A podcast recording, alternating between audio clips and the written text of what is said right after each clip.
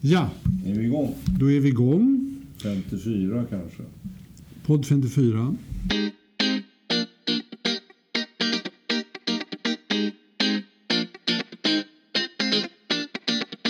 Jag var på Gotland för ganska precis en vecka sedan och eh, tittade på den början till vinodling som finns på södra Gotland nära Hamra. Det är ett imponerande stycke åkermark där. Det är väldigt modernt får man ju säga. Det är ju inte gammal fransk vinodling man ser framför sig utan en, en oerhört väl eh, planterad och sen uppställd eh, anläggning kan man säga. Det är mycket ståltråd, det är, det är um, stöttor i eh, galvaniserat järn som står där i mycket, mycket raka rader. Det, det, är ett stort område. Hektar är svårt att bedöma men det ser stort ut i alla fall för att vara en fin produkt som vindruvor. Och då börjar man tänka så här, vad är det, alltså odla vin i Sverige, vad är det vi säger omedelbart eller hur så går tanken? Ja, men det är för kallt i vårt land. Men, men de två unga, mycket unga vidodlarna de har gott hopp om att södra Gotland skulle kunna vara någonting. Och då börjar man tänka åt ett helt annat håll. Tänk om det blev lite varmare och plötsligt så kan då en sån, sak som, en sån otäck sak som klimatändring kan plötsligt tänka de här två unga som har vågat sig på det här, för dem kanske en eller två grader varmare skulle vara precis det de behöver för att kunna få ett lönsamt jordbruk av den typen som de försöker driva. Intressant. Vi ska vara lite utvecklingsoptimistiska inför eländet som står framför oss. Eh, det, det där är rätt intressant, för jag läste en artikel i Financial Times, det var något halvår sedan, som handlar om att eh, det här engelska eh, champagne-liknande drycken som, som odlas i Surrey nu håller på att bli lika bra som riktig champagne. Och eh, att förutsättningarna för att odla champagne långsiktigt i champagne eh, minskar därför att det blir för varmt. Och ja, alltså där var slutsatsen på samma sätt. Att, att det här med lite svalare maritimt klimat som engelsmännen har kanske blir bättre långsiktigt i vinodlingssammanhang än inlandsklimatet i Frankrike och, och sådär. Så det är klart att någonting gott kan det kanske komma ur, ur global warming för oss nordbor så att säga. Det är inte omöjligt alls.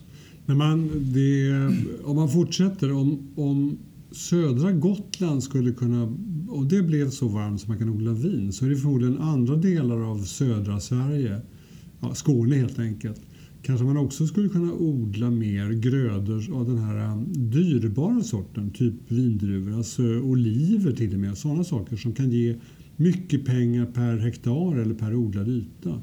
Det är klart att det skulle vara en tillgång, det skulle vara värdefullt. Jo, men alltså om vi kan odla grönsaker i, alltså året runt och slippa importera tomaterna från Spanien och Holland Holland, och så vidare. Ja, alltså det är klart att som du sa förut, med mer CO2 i luften och med mer värme Mm. i luften, då ökar ju odlingsmöjligheterna och eh, träden får högre bonitet, de växer snabbare, Ja, de suger åt sig mer CO2. ja. Så att jag menar, det, det är inte omöjligt alls att det här får effekt över i princip hela landet.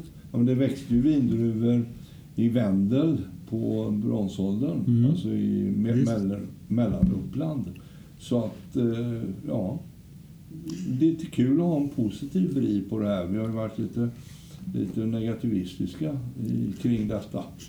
Men det man, det man börjar undra över i den där tiden som du just nämnde, hur var det då i, i vår del av världen? Och, och gissningsvis var det inte så att det var lite varmare just i Sverige, Norge, Finland och Island utan det var förmodligen ganska allmänt. Alltså att det var inte en fläck med värme för så fungerar ju inte jorden och klimatet. Det måste ju vara att hela jorden var, var lite varmare och på något sätt levde. Och det levde ju människor under den tiden också. Och inte för att på något sätt för, förta riskerna med vad som händer nu så kan det ändå vara intressant att studera. Vad, vad, vad innebar det för världen och hur såg den ut när det var Om, varmare? om jag minns rätt från historien så var det ju varmt under vikingatiden. Alltså Ja, ja, bronsålderns ja, vändeltid och vikingatidens Mm. början så att säga. Sen kom ju de här fimbulvintrarna när det inte var sommar på fyra år. Mm. Men de berodde ju på någon eh, Eh, vulkanisk aktivitet någonstans i världen, förmodligen i Indonesien, som gjorde att, att det spyddes ut en väldig massa aska som gjorde att jorden blev kallare. Och sen så blev det ju varmare igen, för på medeltidens början, alltså när man läser det här Hertigens eh, eh, lyckliga dagar, den här franska eh, boken om 1200-talet, Mm. innan digerdöden och det, Mm. eh, där folk gick och plöjde och var glada Mm. och alla hade det varmt och bra. Alltså det, det är ju en idyllisk period i mänsklighetens eh, historia rent klimatmässigt, även om den kanske var förfärlig om man var kättare och sådär. Men, men, men det, det var ska man säga, en ganska positiv klimatperiod som sen successivt svalnade ner till lilla istiden när vi gick över bält Mm, med hela armén och såna här saker på isen. Så att, så att jo, förmodligen var det ganska eh, behagligt att vara europé under den här värmeperioden innan lilla istiden. Och om igen, inte för att eh, förskjuta någonting av alla de prognoser och spådomar som finns, så undrar man om det nu var odlingsbart på södra Grönland, för det vågar vi ju hävda att det vet vi att det var. Eh, därför våra förfäder var där faktiskt och, och eh, försökte odla, eller, eller anlade bondgårdar. Då undrar man, vart, var, var, var var inlandsisen, nej förlåt, var var Grönlandsisen då? Alltså vi, vi säger ju idag att, det finns, att den är, den, när den smälter så kommer det hända otäcka saker med eh, världshaven. Men då kan det inte ha varit så mycket is på Grönland om det gick att odla längst ner. Eller också så, så blandar vi ihop sakerna. Jag är inte riktigt säker på vad man ska tro på här men för min, vad jag anar är att södra Grönland har inte varit odlingsbart på några hundra år, kanske tusen år. Nej, alltså vi blev, eller rätt sagt, norrmännen och islänningarna som bodde där, de blev ju utrotade Ja. av eh, mat. klimatet helt Ja, precis. enkelt. De dog av matbrist. Ja. Därför det gick inte att odla längre. och, eh, och det var ju när eh, det blev kallare och kallare. Mm. Och det är klart att vi hade, har ju haft en, eh, Landet har ju stigit allt sedan istiden Mm. här. Mm. Och det är klart, under vikingatiden så kunde man ju faktiskt segla från, från eh, Norrtälje till Uppsala Mm. På, på sjöarna. Alltså det, det fanns ju eh, den här eh, stora, stora skärgården som idag är Uppland Men- och Mälarlandskapen. Men det, är, men det är ju landhöjningen efter istiden. Det är landet efter istiden. Men, men det, det är också så att, att eh, eh, landhöjningen efter istiden, att det var så mycket vatten då, Mm. kan ju, jag vet inte hur hydrologiska förutsättningarna var, men en anledning Ja, menar, till det att fanns- det, var, ja, nu det förstår fanns vatten, Ja, ja, ja, ja. det var kanske bara halva ön Grönland som var Ja, jag förstår en kilometer tjock is, utan Det Ja. var mer vatten i världshaven kanske? Ja, ja, ja, Kanske. ja, ja just det. Och okej. Jag just kan det. inte det tillräckligt, för, men, men det är ju inte omöjligt att Nej, just det. det är två sammanfallande faktorer. Det ena är Mm. att marken var nedtryckt av isen ja. och det andra att det fanns väldigt mycket vatten. Mm. Och så har det stigit sedan dess. Precis. Ja, och nu kanske det blir mer vatten igen. Mm, just ja, det. då kanske vi kan köra båt till Uppsala igen. Ja, men det, problemet idag är att vi har, vi har liksom belagt varenda yta av varenda kvadratcentimeter av jorden med mänsklig aktivitet och förhoppning. Och det gör att idag skulle sådana här förändringar bli så knöliga om vi skulle behöva gå tillbaka till Ja, ja, det är istids... klart, eller till, okul att bo i New York, Shanghai och Malmö. ja, precis. Därför att då måste man bygga ett sådana vallar. För att inte tala om London som redan har byggt en stor vall. Ja. De måste bygga en vall till. Ja. Jag menar, opraktiskt blir det. Ja. Och det blir... Jag menar, när Sverige, Norge och Finland blir de nya eh, turist... Eh, eh, och vi ska ta emot hela Sydeuropa och hela Afrika som ska hit och bada. Det blir en omställning. Det blir en omställning, inte minst psykologiskt. Vad kan man då säga i de här redan, tycker vi, fullproppade badorterna, Fjällbacka och sådär, när istället för 5 000 så är det plötsligt 50 000 som ska bo där under sommarveckorna? Ja, men det blir som i Mallorca. Det kommer att stå skyltar på väggen. Utlänningar bort. Ja. Det ni, ni höjer markpriserna och huspriserna. Är för dyrt. Vi kan inte vara ett land för rika tyskar. Vi ska precis. vara marockiner. Mm. Ja, Ja, alltså, eller det ska bli... Så jag läste i, i Florens och i Venedig så diskuterar de att slussa in turister enligt något kvotsystem. Jaha. Eftersom det blir för många. Ja, det. Och sen så att det går inte att ta sig fram på gatorna och Ja, kanalerna. just det, just det. och, ja, och det är klart, när en miljard kineser blir medelklass, Mm. det blir ett väldigt stort turisttryck på... Och, och flyr, flyr till Gotland och Sverige för, för, för ett behagligt sommarklimat. Ja. Det, Jo. blir, det blir egendomligt. Jo, men alltså de här tomma ytorna vi Visst, har, självklart. de kommer bli lika spännande som Kenya. Ja, visst. Ja, och gå omkring och titta Mm. på eh, Precis. älgar i norra Sverige. Precis. Jag funderar på en annan sak. Eh, Vi, vi är stolta över vårt skogsbruk. Jag kan inte riktigt bedöma det. Men det är om igen så här som du själv nämnde. Om det är mer koldioxid och dessutom varmare så kommer ju vårt skogsbruk liksom explodera av virke.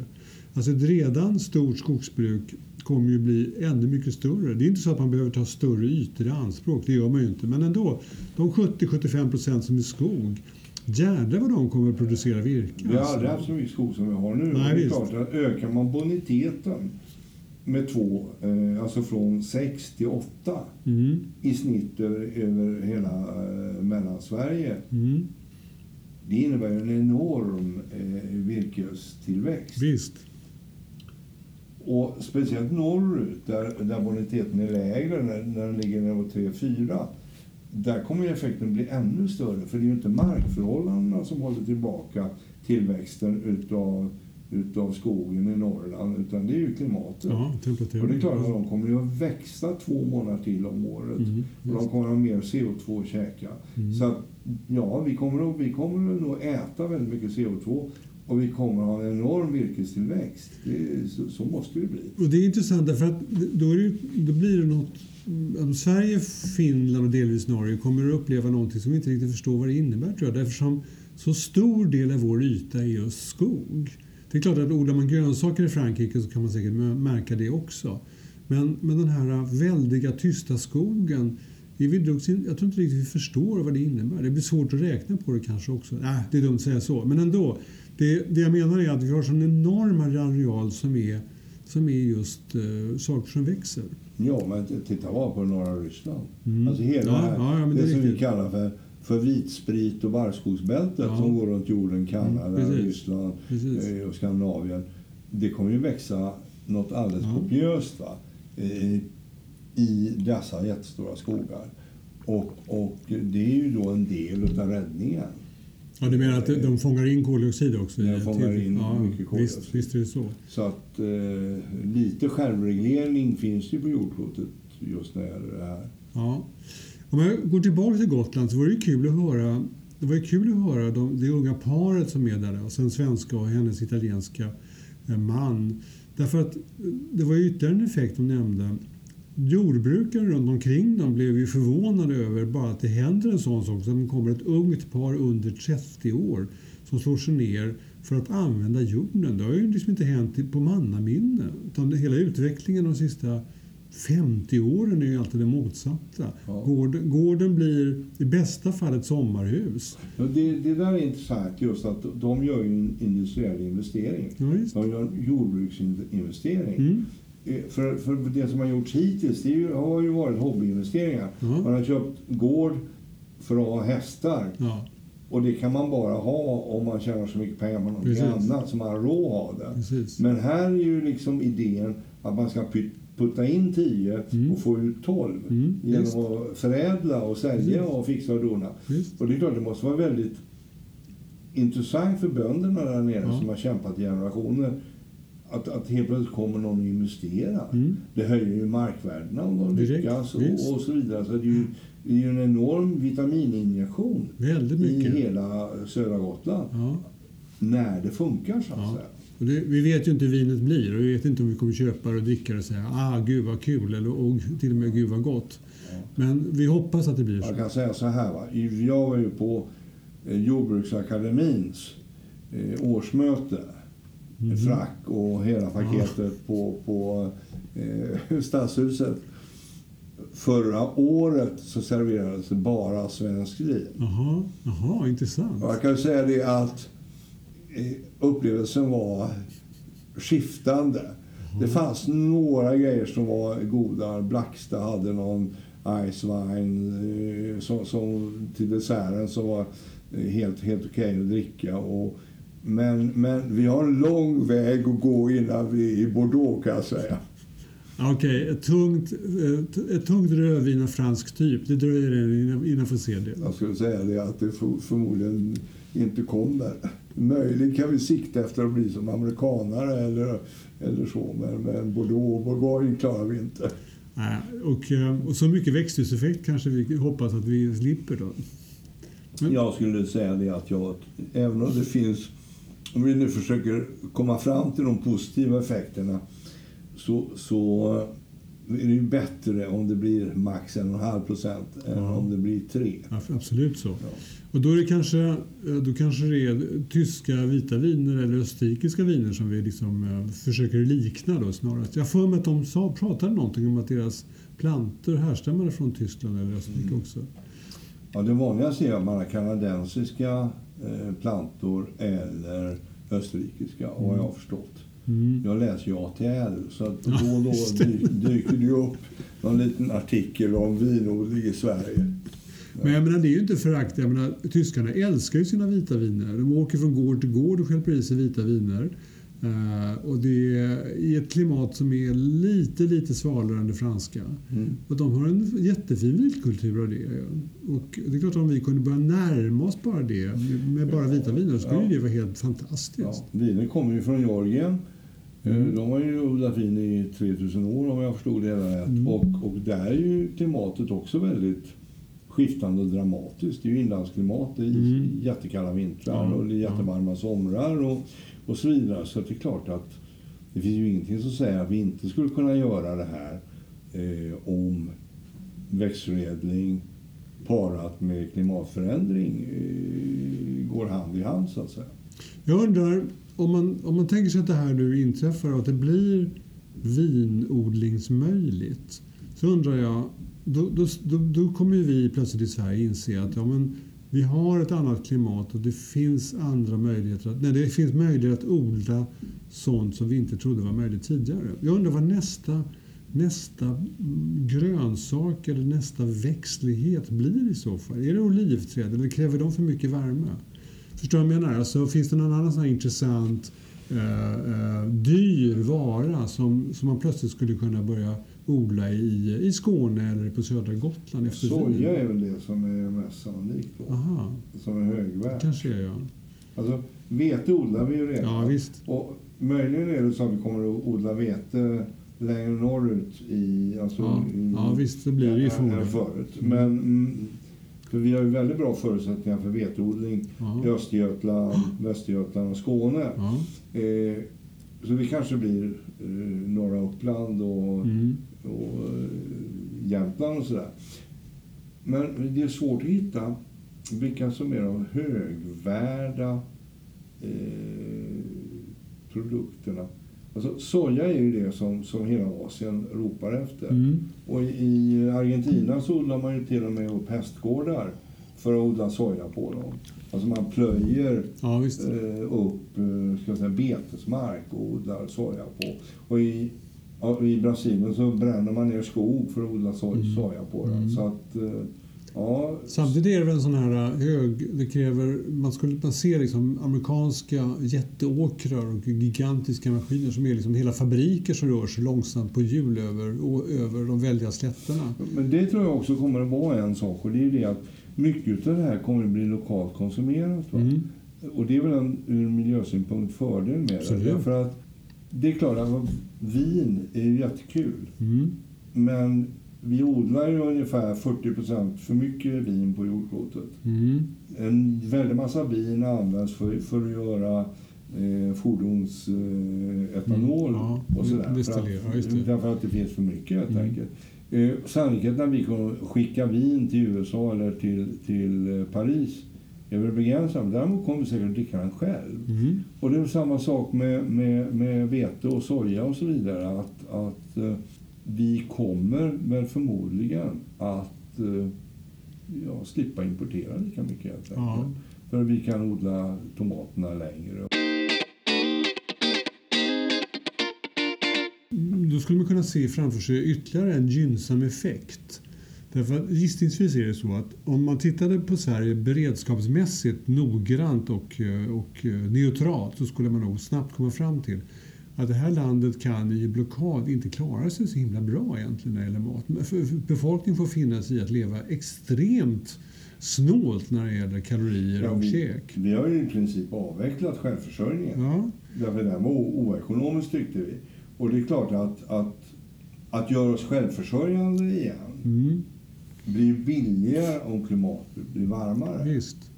Ja, vi behöver inte importera Manitoba-vete och, Mm, och, ja. och sådär. Men, men, men eh, det är en väldigt lång väg att gå. Alltså, vi klarar säkert brödsäd, vi klarar säkert mejeriprodukter. Men eh, ja, Vi kommer inte odla kaffe hemma. Det är, det är väl rimligt. det tror jag inte. Det blir en typ av sånt som vi får avstå från om det blir liksom blockad igen. Ja, då blir det Sikoria. Ja. Men det jag menar är så här, Alltså egentligen är det så att jag, alltså min egen bild av växthuseffekten är ändå att de, de riktigt eh, stora effekterna de, de inträffar faktiskt de på lång sikt just alltså.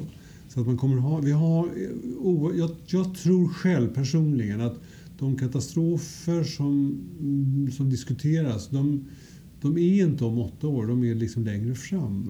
Och om man tänker väl och funderar mycket på ett pragmatiskt svenskt sätt så gissar jag att man skulle kunna se framför sig att jordbruksproduktionen i vårt land kan öka och det skulle vara väldigt bra för vår beredskap. Det vill säga man behöver inte, man behöver inte tänka ut allt själv när det gäller beredskap och börja lagra och, och med våld så att säga börja odla mer och, och hindra importen och sådana saker. En del kommer kanske att lösa sig. Ja, Vi har ju den fördelen att av alla områden på jordklotet som råkar illa ut av klimatförändringen Mm.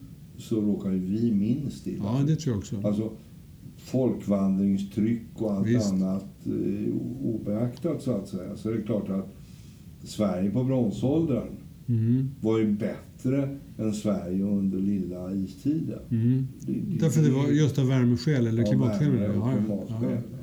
Alltså, vi kunde ha fler barn, vi kunde vara fler Mm. människor och, Mm. och sådär. Och det ledde ju då till att, att eh, ja, vi var ganska många innan digerdöden kom och tog bort hälften av oss. Mm. Så att säga. Men jag kan inte, när jag sitter och pratar om det här med ett, ett, ett, ett Sverige eller ett Norden som är varmare ska inte jag låta bli att göra en liten passus in åt precis andra hållet. Därför att om man läser en del böcker, romaner från eh, till exempel Danmark så kan inte jag låta bli att tycka att det är spännande att bo i det här arktiska klimatet. För då, om man heter, jag läser just nu en bok av Susanne Brögger som reser mellan Norge och Danmark. Och då är det flera, flera miljöskildringar som är väldigt enkla och korta. Där det är frost, eh, alltså det är frostnupet sådär. Va? Det är frost och vitt överallt i landskapet. Och då är det delvis i Danmark och i Norge är det alltid snö så det är inte så konstigt. Så inser jag att det där det är en av de saker som man kommer att sakna om det plötsligt inte var så längre. Och att det, bara det att det kan vara så i Danmark som en självklarhet jag skulle verkligen uppskatta det enormt. Jag skulle sakna det väldigt mycket om det försvann från vår region. Det här att man går ut i december och det är vitt, vitt, vitt, vitt. Och det är inte ens snö utan det är bara det att allting är frusit. Men det där tror jag vi kommer att ha kvar. Va? Därför det är ju så att det är skillnad på väder och klimat. Ja, det är sant. Och i mitten på förra veckan så skrapade jag bilen första gången. Vilket då faktiskt är tre, fyra veckor Ja, tidigare är än förra året. Jo, det är riktigt. Och, och igår, i morse var det tre plusgrader. Ja, jo, Alltså, I förra veckan var det alltså minus två. Och i natt var det minus fyra uppe i Mellannorrland. Mm, Alltså, jag tror att vi kommer att ha en och annan frostnatt. Det kommer bli mer sällsynta. Vi kommer Mm. att bli ännu gladare när man Mm. kommer upp Ja. och ser att, att det, Det är Allting ser ut som sockerkristall eh, när man tittar ut genom fönstret. Eh, men att vi skulle bli helt av med det, det, det Alltså jag kommer ihåg när jag jobbade, du, du var ju på besök mig när jag jobbade i Falun. Ja, visst. 73 eller Ja. när det kan ha varit. Och då var jag så glad att jag skulle jobba i Falun för att kunna åka skidor mycket. Ja, visst. Då var jag, var jag där i tre år. Jag tror vi hade snö tre dagar på de tre åren. Mm. Det, det var överhuvudtaget Ja. snö. Och då snackar vi 73 Mm. till 75 eller något Visst. Ja, det var Och det har vi glömt allihop. Ja. Det gick inte att åka skidor i Dalarna. Nej, jag vet. Det var och vi hade ett VM utan snö Mm. något som var väldigt konstigt. Så, Ja. så att det kommer och det går, Ja, det här jo, med det är sant. vädret. Och jag kommer ihåg jag eh, skulle få köra, provköra en bil åt, åt Teknikens Värld när jag var student. Man skulle skriva om vad, vilken bil man ville testa och då Mm. tänkte jag ingen annan vill testa en Fiat. Så jag skrev att jag ville testa en Fiat. Och så kom jag till Stockholm och så skulle vi träffas på Djurgårdsbrunns värdshus då och få våra bilar. Och då tänkte jag, det är ju inte så långt från Centralen. Så jag gick från Centralen till Djurgårdsbrunns värdshus. Det var bara det att det var 28 grader kallt. Mm. Jag, jag, höll faktiskt på, jag var blå när jag kom fram till puben på Djurgårdsbrunns värdshus. Och, och tinade upp framför brasan där. Jag höll fan med på att frysa ihjäl. Nej, men jag förstår vad du menar. Det, det, det är inte så att det kommer att försvinna. Det kommer att bli mindre vanligt kanske. Ja, det, det, det För att låter... inte kunna åka skidor i Sverige, det är ju... Det, men jag kommer, när man var liten och bodde i Göteborg, Mm, då hade ju snö mm. flera dagar och man kunde faktiskt spela ishockey på dammen ovanför Expotorp. Ja, det är riktigt. Och, och vill man åka lite mer ordentligt så åkte man bara till Borås och där var det, liksom, där var det snö. Ja. Några- Och Hindåsbacken funkar och sådär. Ja. va. Och det, det har vi redan märkt att det gör det Mm. inte. Nej, tyvärr. Jag tror till och med den är stängd. Nej. Ja, ja, jag vet inte heller hur det är riktigt, men det, det, ehm, det, det... För de backarna kändes som de redan då var precis så där runt nollstrecket. Ja. Och då räckte det med en halv grad så skulle det inte vara skidbacke längre. Precis.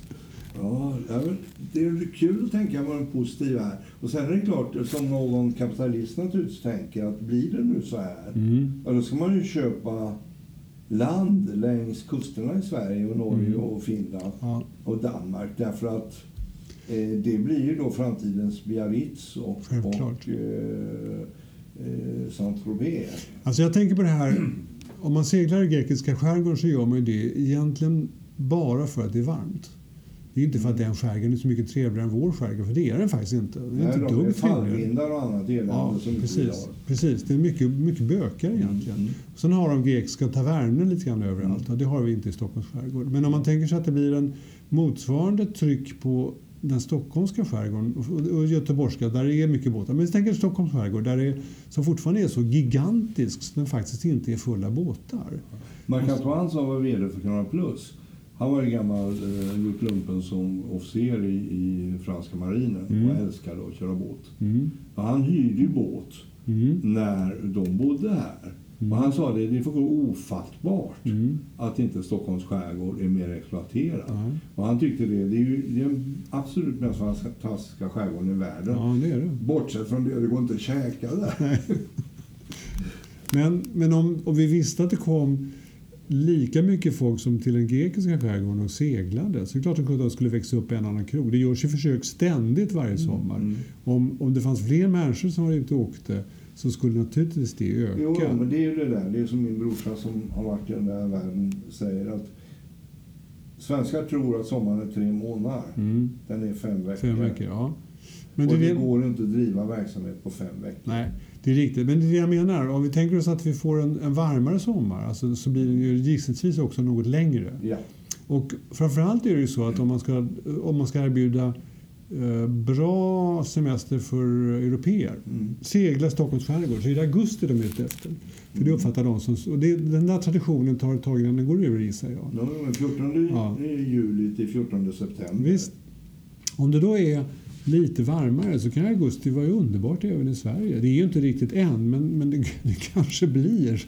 Och då kanske Stockholms skärgård blir liksom en, eh, en, eh, en tillfartsort för, för seglingsintresserade snarare än Greklands skärgård. Inte, för Ja. att, inte för att ta bort det från Grekland utan snarare bara för att den här fantastiska skärgården blir en tillgång. Ja, i Grekland kommer man ju segla i november istället för i Ja. september.